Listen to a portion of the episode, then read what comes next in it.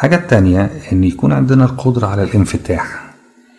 ومشاركة مشاعرنا مع أناس موثوق فيهم وناس نقدر إن إحنا آه، نفتح قلبنا قدامهم ونشاركهم بعمق المشاعر اللي جوانا. إحنا عندنا مستويات كتيرة من التواصل. يعني مرات كتيرة نقعد مع بعض نتكلم آه، في الطقس الدنيا حر الدنيا برد مرات نتكلم في الأفكار مرات نتكلم في الاقتراحات. لكن مع بس الناس القريبين مننا بنقدر نتكلم في المشاعر نقدر نقعد مع حد ونقول له أنا زعلانة أو أنا محبطة أو أنا مبسوطة حتى آه، في مشاعري. لازم لكل واحد ولكل واحدة يكون في شخص قريب أقدر أنفتح عليه أقدر أوصل له أقدر أتكلم بدون ما أشعر مثلا بالإدانة أو أشعر بالنصيحة أو أشعر بالتصحيح أو أشعر بأي حاجة مجرد إن أنا أقعد وأقول أنا بشعر في الوقت ده بالأمور دي. ده بيعمل نوع من أنواع التنفيس وبيعمل نوع من أنواع الإخراج الصحي للمشاعر السلبية اللي برضه لو اتراكمت لو أنا ما عنديش شخص أثق فيه وأكلمه لو ما عنديش فرصة إن أنا أتكلم باستمرار وأصرح باللي جوايا هيجي مع الوقت الأمور دي تتراكم وده اللي بيحصل في بيوت كتيرة مع ستات كتيرة مع الكبت. ومع عدم المصارحة ومع عدم وجود آذان تنصت وتستمع جيدا للي بيحصل بيحصل تراكم الأمر ده.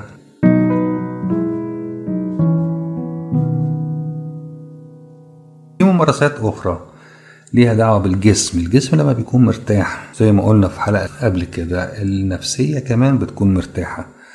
يعني في ممارسة الرياضة والخروج للهواء الطلق والتعرض للشمس. في بعض الأماكن في وقت من الأوقات كانوا بيعالجوا بالنور.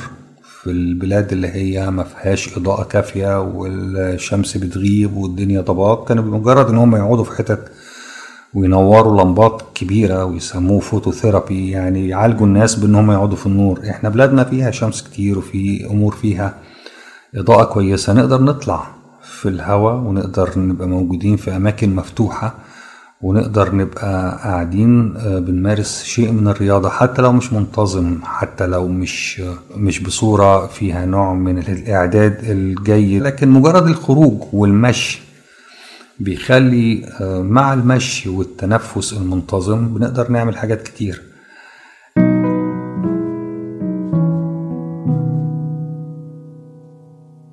بعض الأمور اللي بتساعدني إن أنا أتخلص من القلق بتاعي ممارسة ال relaxation technique أو آه، تمارين الاسترخاء. واللي بتعتمد في مرات كتيرة على تنظيم التنفس في المقام الأول. لأنه إحنا عندنا إن معدل تنفسنا بيمشي بنفس السرعة وبنفس الارتباط مع معدل ضربات القلب. معنى إن أنا لو خفت وضربات قلبي كانت سريعة نفسي كمان هيكون سريع. الحل الوحيد إن أنا أبطأ ضربات قلبي إن أنا أبطأ تنفسي. ان أنا مش هقدر أتحكم في ضربات القلب لكن أقدر أتحكم في التنفس. فدي تمارين كلها ممكن الناس تتدرب عليها وتمارسها علشان تقدر تكون بتعمل وقاية من الاكتئاب.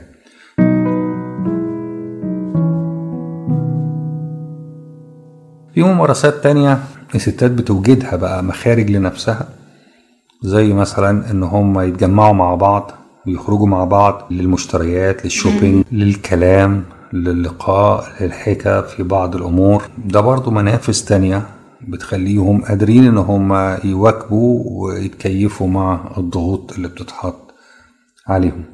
بعض المأكولات زي الشوكولاتة زي الخضروات الطازجة الأكل الصحي اللي بيكون مفهوش إفراط في أي حاجة ومفهوش نوع من الألوان الصناعية ومفهوش أي إفراط المضر. كل ده بيساعد إن الشخص يكون نمط حياته يحميه شوية من الاكتئاب.